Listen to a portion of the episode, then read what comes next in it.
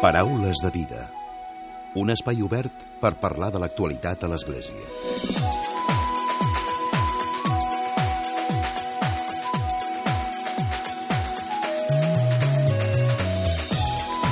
Què tal? Salutacions i molt bon dia, molt bon diumenge. Barcelona acollirà per primera vegada la nit de les religions, una iniciativa que es farà el proper dissabte, el dia 17, impulsada pel grup de joves de l'associació UNESCO pel diàleg interreligiós.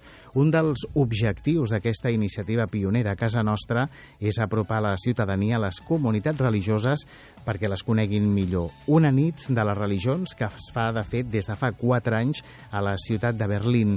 Està plantejada com una jornada de portes obertes d'una vintena de comunitats religioses de la capital catalana a través d'un itinerari autoguiat. De seguida en coneixerem els detalls en conversa amb l'Alba Tarroc, que és tècnica de l'associació UNESCO pel diàleg interreligiós.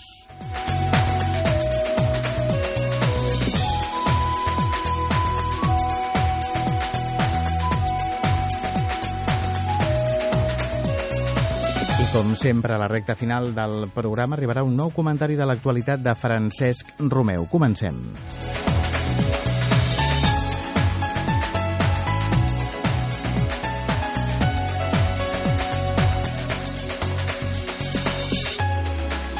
Alba, benvinguda al Paraules de Vida. Gràcies. Nit de les religions, una iniciativa pionera. Primer de tot, parlem què serà la Nit de les religions. Bueno, doncs la nit de les religions, com has dit, és una iniciativa que va sorgir del grup de joves de l'Associació UNESCO per al Diàleg Interreligiós. Eh, bueno, a Barcelona hi ha més de 800 comunitats religioses de més de 12 tradicions diferents. O sigui, veiem que hi ha veritablement moltíssima diversitat religiosa i no sempre es fa visible aquesta diversitat, no? no sempre és fàcil conèixer-la o acostar-se. Eh, llavors, una mica la idea que vam tenir amb el grup de joves eh, amb la nit de les religions és fer visible aquesta diversitat, no? mitjançant, bé, dedicant precisament una tarda o una tarda-nit, perquè serà des de les 4 de la tarda fins les 12 de la nit. Fins a la mitjanit. Eh, a la diversitat religiosa de la ciutat. No? És una mica... Són, seran 24 comunitats religioses de Barcelona que obriran les seves portes i llavors faran diverses activitats eh, per la ciutadania. Poden ser xerrades, poden ser tallers, poden ser eh, concerts musicals i una mica és seguint també aquesta idea no, de la nit dels museus, que per exemple és una nit dedicada a l'art, doncs aquí dediquem una nit a les religions no? i al coneixement de les religions. Dependrà segurament no, de cada tradició religiosa, però que és jornada de portes obertes, no sé, penso, parròquies, com serà una mica, com, com s'ha articulat? Doncs bé, el contacte amb les comunitats, nosaltres eh, vam contactar amb una sèrie de comunitats religioses a través de contactes que teníem i llavors cada comunitat fa el seu programa i decideix els horaris en què obre la comunitat. No? Per això diem, bueno, és la nit de les religions però hi ha comunitats que obren a les 4 perquè no volen arribar fins tan tard a la nit i llavors cada comunitat ha decidit el seu programa. No? Nosaltres els hi vam explicar una mica l'esperit de, de la nit de les religions, que era donar-se a conèixer, fer activitats que mostressin la comunitat, que tinguessin no? que fos una mica també autèntic, de realment que donés l'oportunitat a les persones de la comunitat de mostrar-se tal com són i que també poguessin tenir un cert atractiu per la, per la gent no? que hi anés. Llavors això ja de, depèn de cada de comunitat que... i hi ha comunitats que han preferit fer-ho doncs, més amb xerrades o amb audiovisuals. També hi ha comunitats que treballen específicament aquest any el tema de la dona en la religió perquè això va ser una proposta que vam fer nosaltres, com dir, bueno, busquem també un eix temàtic que potser pugui unir una mica no? totes les comunitats. I vam proposar les que volguessin que parlessin del tema de la dona i algunes que parlaran del tema de la dona a la religió, una cosa que també pensem que ajuda que les mateixes dones de les comunitats s'impliquin a les activitats. I hi ha comunitats doncs, que pel que sigui doncs, tenen un esperit més musical, doncs fan música, hi ha visites guiades, per exemple, participa la parròquia de Sant Pau del Camp, que és una església romànica molt antiga d'aquí de Barcelona, llavors ells el que faran serà una visita guiada al monestir, una explicació una mica més històrica. Clar, diguéssim que és conèixer la tradició religiosa, però ara en el cas que parles no, de, del plantejament de la dona dins la religió, potser mm. és un aspecte més, més global que, que es pot mm. tenir en compte per, per totes les religions, no? Exacte, sí. Això sí que ho vam dir... Bueno, nosaltres vam donar la llibertat a cada comunitat de que escollís una mica el programa i el de la dona ho vam suggerir. Vam dir, mira, mm, fem una cosa que es pot mm, enfocada de manera global. I que sempre està d'actualitat, també, no? i que sempre està d'actualitat i les que vulgueu doncs, podeu oferir també això. No? I hi ha comunitats que s'han animat a fer, doncs, per exemple, la comunitat Bahá'í parlarà d'una poetisa iraniana, bueno, persa, eh, no sé si és del segle XII o... O sigui, cada comunitat, dintre del seu programa, de vegades inclouen també el tema de la dona. Hi ha molt desconeixement sobre les tradicions religioses que conviuen a casa nostra, que les tenim molt presents però que segurament no tenim ni idea. Sí, jo crec que, bueno, no tothom, evidentment, no? però sí que hi ha un cert desconeixement. Hi ha comunitats que jo crec que directament són molt desconegudes, com és el cas, per exemple, de la comunitat Bahá'í. També hi ha una comunitat neopagana que participa aquest any, que són tradicions paganes de, de celtíberes, diguem, d'abans de l'arribada del cristianisme a la península ibèrica. Uh -huh. Aquestes directament són tan desconegudes que jo crec que la gent ni, ni n'ha sentit gaire parlar, no? I després hi ha d'altres comunitats que sí que es coneixen, com per exemple seria el cas de l'islam o del protestantisme, però que potser... L'islam no, es coneix, però també moltes vegades no, Exacte. perquè s'associa a, a, Exacte. a l'actualitat no? i Hi ha un que coneixement- són més... Sí, Clar, aquesta potser també és interessant, no? Exacte, el, el fet sí. de conèixer realment què és l'islam. No? Exacte, justament hi ha comunitats desconegudes i llavors sobre una comunitat desconeguda com els Bahá'í no hi haurà prejudicis perquè directament són desconeguts. En canvi, sobre l'islam, el coneixement que tenim moltes vegades és un coneixement que, que està mediat no? doncs pels estereotips o els prejudicis que poden donar-nos terceres persones. No? Llavors, també és una oportunitat per les comunitats musulmanes o per comunitats eh, protestants o jueves, que potser sí que les coneixem però podem tenir estereotips, de donar-se a conèixer elles mateixes, no? tal com són, sense que hi hagi un tercer que expliqui com són ells. Són ells mateixos els que, els que es donen a conèixer fent. tal com són. Clar. Sí. I vosaltres, quin és el paper que, que fa la UNESCO pel diàleg interreligiós? Feu també, no sé si el suport logístic, Mhm. el tema de difusió, de donar coneixement per tal de que la gent que pugui o que vulgui col·laborar-hi, que pugui participar-hi ho faci? Doncs nosaltres, bàsicament, vam començar... Bueno, hem fet tota la gestió de les comunitats, l'organització, el contacte amb elles, demanar que omplissin uns formularis amb, amb la programació, i després estem fent De fet, sobre... heu fet una supervisió, no? Per tant, també Exacte. de què és el que es veurà. Sí, bueno, de fet no hem fet... Mm, o sigui, la supervisió ha estat sobretot de, de que complissin més o menys amb els horaris o amb el mm, període... Hem donat molta llibertat, no?, a cada comunitat però sí que almenys que es complís una mica per poder després fer la difusió, doncs que hi hagués un control de quan s'entregaven els formularis, quan les comunitats tenien preparats els programes, i després sí que hem organitzat tot el que és la difusió a través de la pàgina web, eh, on es pot trobar el programa de cadascuna de les comunitats, i també hem fet cartells i uns fulletons on apareix el programa de cada comunitat amb un mapa perquè la gent que vulgui pugui tenir el fulletó i anar on vulgui a la nit de la religió. Això per la gent que ens estigui escoltant ara i ho vulguin mirar a través d'internet, què han de fer? Doncs poden anar a la pàgina www.audir.org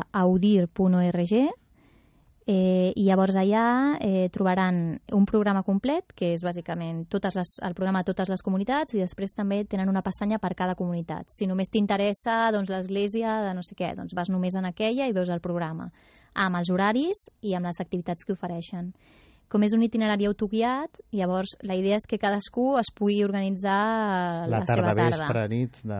Exacte, és igual que la nit dels museus. Tu decideixes, veus els programes i dius m'agradaria aquesta, aquesta i aquesta, i tu esculls, no? Només eh, to totes les activitats són gratuïtes eh, i no demanen inscripció excepte les comunitats jueves, que sí que demanen inscripció, això també cal dir-ho perquè si voleu anar a una comunitat jueva sí que cal anar i inscriure's prèviament. Sí, també hi ha l'email on cal inscriure's, a la web també el trobareu. I ho fan bueno, per un motiu de seguretat. Les comunitats jueves prefereixen demanar inscripció prèvia. Mhm. Per tant, és la primera vegada i, com diem, només en el cas de les comunitats jueves hi ha la, la preinscripció prèvia. Una mica, no, no sé si teniu previsió o serà diumenge, dilluns, quan ja es podrà fer una mica de, de balanç, no?, de com ha anat. Sí, nosaltres, clar, la previsió és complicada de fer. Sí que és veritat que tenim el precedent de Berlín, que més o menys sabem com ha anat allà, sabem que ha tingut molt èxit, que ha tingut moltes visites. Fa quatre Però- anys que es fa a Berlín, Fa no? quatre anys que es fa. Eh, també ha augmentat molt el nombre de comunitats que participen a Berlín. Eh, em sembla que van començar també amb 20 i pico i aquest any ja són més de 100. Mhm. I, però, clar, Berlín és una ciutat diferent de Barcelona i aquí és la primera vegada que es fa, per tant no sabem. L'únic que, que bueno, també hi ha l'Espai Avinyó Llengua i Cultura, que no sé si el coneixeu, de l'Ajuntament de Barcelona, organitzarà també una visita dintre de la nit de les religions on sí que hi ha gent inscrita, diguem. I llavors és l'únic indicador que tenim en aquesta, diguem, allò que fa l'Espai Avinyó, però la resta no, no sabem, no tenim Ara, previsió. parlàvem de, de Berlín, fa quatre anys que es fa, amb èxit, ha anat incrementant-se. Mhm. Mm, És un model copiat d'allà o l'heu adaptat aquí a la, una mica a la realitat barcelonina? Eh, bueno, la realitat és que nosaltres eh, vam entrar en contacte amb, amb la nit de les religions de Berlín perquè hi ha una noia del grup jove que coneixia la nit de les religions de Berlín. Ens va semblar que Barcelona era una ciutat que tenia molta diversitat i que estaria molt bé provar aquest model. I la veritat és que teníem certa informació de Berlín, però tampoc en teníem tanta. No? El que sí que vam fer és el model de Berlín, el que vam agafar és justament l'itinerari autoguiat, perquè sí que és cert que hi ha altres ciutats, per exemple a Sabadell s'ha fet una jornada d'o- d'obertures de llocs de culte, però és una cosa guiada, llavors només pots incloure tres o quatre llocs de culte, perquè si vas guiat no pots obrir 24 comunitats. I el model de Berlín era un model més, això, no? estil nit dels museus, no? Totes les comunitats que es I més vulguin pragmàtic, apuntar... no? O sigui, més, que és més ampli, no? I més ampli, exacte, que donava més possibilitat d'inscriure's més comunitats. No? I vam optar més per aquest model de Berlín. Eh, la particularitat que hem afegit és el tema justament de posar un eix temàtic, que és el de la dona, i bueno, sí, jo crec que el model és bastant semblant, bastant semblant al de Berlín. Alba, és la primera nit, hi haurà continuïtat? Nosaltres esperem que sí. Eh, bueno, caldrà veure com va aquesta primera nit de Barcelona. Eh, Tot i que és una proposta suggerent, no? O sigui que, per tant, podríem dir no? que, que podria tenir aquesta continuïtat. Sí, no? nosaltres esperem que sí. A més, eh, ara que estem molt en contacte amb Berlín, també ells eh, tenen, bueno, han, estat, han donat molt suport a la iniciativa Barcelona i els agradaria potser en un futur fer alguna cosa conjuntament. Llavors, bueno, justament aquest any, a més, la nit de les religions de Berlín és el mateix dia que la nit de les religions de Ah, Barcelona. coincideix. Coincideix la data, sí. Uh -huh. Nosaltres esperem que sí. Caldrà veure com va, caldrà veure quin suport tenim, De també. fet, també, si és la primera vegada, no?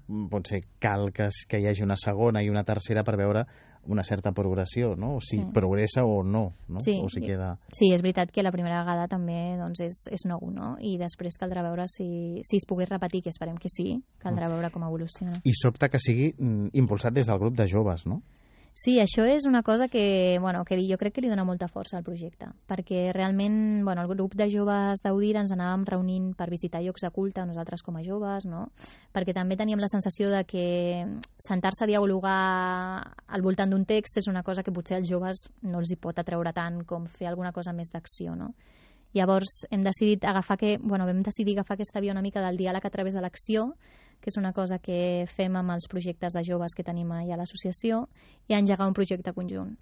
I tot el que és l'organització, tot el que és la difusió, tot ho hem fet amb el grup de 9 o 10 joves que som allà a l'associació, amb suport, evidentment, de, de l'entitat, però jo crec que li dona força perquè són grups de, un grup de joves de diferents religions que estan organitzant la nit de les religions. Uh -huh. Doncs ja per acabar i en mig minut anima els joves que t'escoltin aquesta setmana, serà la setmana, serà el proper dissabte, què els hi diries?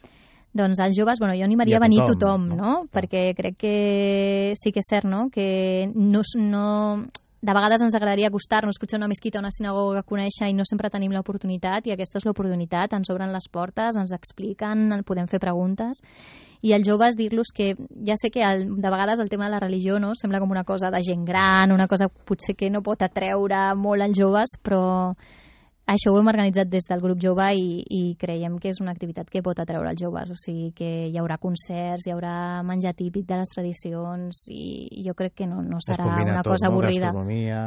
Sí, exacte. No, intentarem, hem intentat i les comunitats també han posat molt d'esforç en fer una cosa que sigui atractiva també. Alba Tarroc, que és tècnica de l'Associació UNESCO pel Diàleg Interreligiós. Molta sort amb aquesta nit, aquesta primera nit de les religions. I fins aviat. Moltes gràcies. Paraules de vida. Un espai obert per parlar de l'actualitat a l'Església. I tot seguit arriba el comentari de l'actualitat de Francesc Romeu. Francesc, molt bon dia. Molt bon dia a tothom i molt bona diada de l'11 de setembre. Diumenge passat, a la plaça de Sant Pere del Vaticà, el papa Francesc, en una celebració pública de canonització, va declarar ja com a santa a Teresa de Calcuta, una contemporània nostra i fundadora de les missioneres de la caritat. Com que la meva formació periodística es va anar construint tot treballant a la redacció de les revistes El Ciervo i Foc Nou, que són el meu referent, vaig recordar una conversa de mig matí a la redacció. Recordo perfectament que la Roser Bufill, fundadora i aleshores directora de la revista Foc Nou, ja havia anunciat que quan fessin santa a Teresa de Calcuta, la gent se n'estranyaria perquè en l'ideari mental de les persones ja es tenia a Teresa de Calcuta com una dona santa, fins i tot en vida, i tenia tota la raó. Per a molta gent, Teresa de Calcuta ja era una santa i un referent evangèlic. Per la seva banda, el nostre gran professor i aleshores director de la revista El Ciervo, Llorenç Gomis, ens feia donar que la mare Teresa de Calcuta era la única dona que apareixia habitualment a les revistes del Cor, a l'Ola i al Lectures, sense maquillar, havia aconseguit aparèixer entre les famoses i les primeres dames perquè es considerava que el que ella feia i el que ella havia aconseguit amb les seves religioses era viure l'Evangeli en estat pur, portar-lo a la pràctica. La paràbola de Jesús en l'Evangeli de Mateu, que descriu el final de la vida, en el qual les persones seran valorades per allò que feien els altres com si li fessin el mateix Jesús, quedava ben palès en el gest de Teresa de Calcuta, asseguda a terra a la gran estació de tren de Calcuta, al costat d'un agonitzant, donant-li la mà per tal que no morís sol. Això, es feia, això ens feia veure l'Evangeli. Recordo també que el cantautor argentí Facundo Cabral, enamorat de la tasca de Teresa de Calcuta, explicava que quan ell va anar a Calcuta deprimit per la mort de la seva dona i la seva filla en un accident d'aviació, ella li va preguntar i què faràs ara amb tant d'amor que tens dintre teu i ara no sabràs ni com donar-lo ni a qui donar-lo? I explicava que l'havia trobat banyant un leprós i com una dona li deia que ella no faria això ni per un milió de dòlars, mentre que la mare Teresa li contestava jo tampoc, perquè un leprós no se'l pot rentar si no és per amor. He recordat també com el gran professor de teologia que havíem tingut, mossèn Josep Maria Rovira Belloso, ens parlava de tres grups de persones davant de la pobresa i la misèria que hi ha en el món. Deia que hi havia un grup bastant nombrós, on potser hi som tots nosaltres, que són els qui estan a favor dels pobres. Molta gent està a favor dels pobres. Després hi havia un segon grup a dins dels anteriors, però molt més reduït, que havien fet un pas més i són els qui estan amb els pobres, referint-se a molts laics, capellans, religiosos, religioses, que havien decidit de viure i compartir al costat dels més pobres, als barris pobres, als països pobres. Finalment, hi havia un tercer grup dins dels anteriors, molt més reduït encara, que era els que havien decidit de viure com els pobres, de compartir la vida i el mateix destí dels qui són pobres. Això només quedava reservat per a alguns molt atrevits que posaven en risc la seva vida sortint de les seves comoditats. Crec que la Mare Teresa de Calcuta va ser una d'aquestes dones intrèpides que ens serveix de referent evangèlic en un temps de moltes indiferències. Faig aquest comentari avui perquè m'ha dolgut molt veure que al llarg d'aquestes setmanes han aparegut moltes opinions que han posat en dubte la seva tasca i, per tant, també la seva santedat. Em dol veure com des d'un puritanisme mesquí se l'ha anat acusant de moltes coses. Uns han posat en dubte que no controlés prou bé les seves fonts de finançament dels projectes i que amb un afany excessivament recaptador acceptés donacions de tothom, fins i tot d'alguns que escanyaven i oprimien els pobres, com el cas del dictador d'Haití, François Duvalier, i d'altres amistats molt poc cristianes. Crec que el puritanisme d'aquests no comprèn el que és la misèria real i la necessitat extrema que vivia cada dia la mare Teresa. D'altres l'han acusat de fanatisme i de fonamentalisme per fer una apologia del sofriment quan parlava del patiment com una benedicció de Déu. Certament la Mare Teresa no deia que el sofriment fos una benedicció pel qui pateix, sinó per aquell que veient-ho se sent cridat a atendre'l.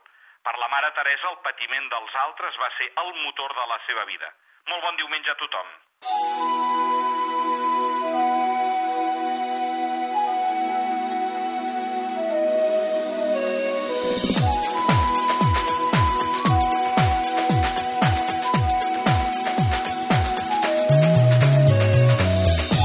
Punt i final, el Paraules de Vida d'aquesta setmana, d'aquest diumenge. En Josep Maria Campillo ha estat el control tècnic i que us ha parlat l'Emili Pacheco. Que passeu bon diumenge i una molt bona setmana.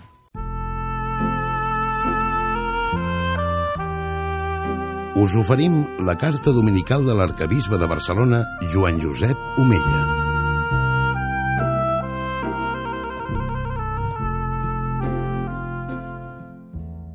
Déu vos guard. Les nostres comunitats cada vegada seran més multiculturals. Certament, és un fet que la nostra realitat social confirma cada dia. Fruit d'aquesta consciència, les persones implicades en l'acollida dels immigrants van veure la necessitat de coordinar-se. Va ser així com l'any 2005 va néixer la plataforma d'entitats cristianes amb els immigrants, que aplega 20 entitats cristianes amb seu a la nostra diòcesi. L'objectiu que tenen és triple. Constituir una xarxa de solidaritat i intercanviar informació i coordinació. Crear un espai permanent per reflexionar sobre les dimensions del fenomen migratori i els reptes que planteja. I, finalment, ser una veu cristiana pública al servei de la convivència, la integració social i el respecte a la dignitat transcendent i els drets de les persones. Al llarg d'aquests 10 anys d'existència, la plataforma ha publicat periòdicament posicionaments, notes de reflexió i articles d'opinió. S'han organitzat debats públics i conferències. L'objectiu ha estat sensibilitzar la ciutadania, neutralitzar prejudicis i ports, promoure actituds favorables a l'acolliment i la integració, així com influir en les decisions polítiques. En la trentena de comunicats s'han denunciat problemàtiques concretes com els menors i joves estrangers no acompanyats, els assentaments d'immigrants en naus industrials i altres espais de Barcelona o les morts per naufragi a la Mediterrània. Aquesta plataforma creu que cal continuar denunciant la vulnerabilitat en què es troben molts immigrants. Les lleis d'estrangeria, cada vegada més restrictives i, sobretot, que s'han de donar a conèixer les causes que provoquen la immigració i mirar d'actuar sobre elles. Fa poc, mossèn Josep Maria Jovan, delegat de Pastoral Social de l'Arquibespat de Barcelona, deia en un món globalitzat on no hi ha fronteres per als diners ni per mercaderies, es posen barreres a la lliure circulació de persones, quan de fet l'única cosa que volen és viure amb dignitat. Entre els anys 2000 i 2009, Catalunya va rebre un milió de persones estrangeres, moltes de les quals van poder regularitzar la seva situació. Però el 2007 va arribar la crisi econòmica i una bona part d'aquestes persones es va quedar a l'estacada. Els seus projectes personals o familiars van quedar trencats i moltes van haver de marxar als seus països d'origen o a altres països. El repte actual és la integració de les que s'hi han quedat o han arribat. Establir relacions d'amistat entre comunitats és una necessitat essencial. Com a arquebisbe de Barcelona, veig amb goig que a moltes parròquies hi ha gestos concrets d'acollida a les persones nouvingudes i com el cas de les que són catòliques es poden integrar en les activitats de les parròquies i els moviments cristians fent que les seves propostes siguin tingudes en compte i donant-los responsabilitats. Felicito en aquestes parròquies que fan aquesta acollida. He llegit amb interès com el bisbe Joan Carrera portava amb elogi la funció d'integració social que van fer moltes parròquies de la perifèria de Barcelona amb l'immigració interna espanyola dels anys 50 i 60 del segle passat.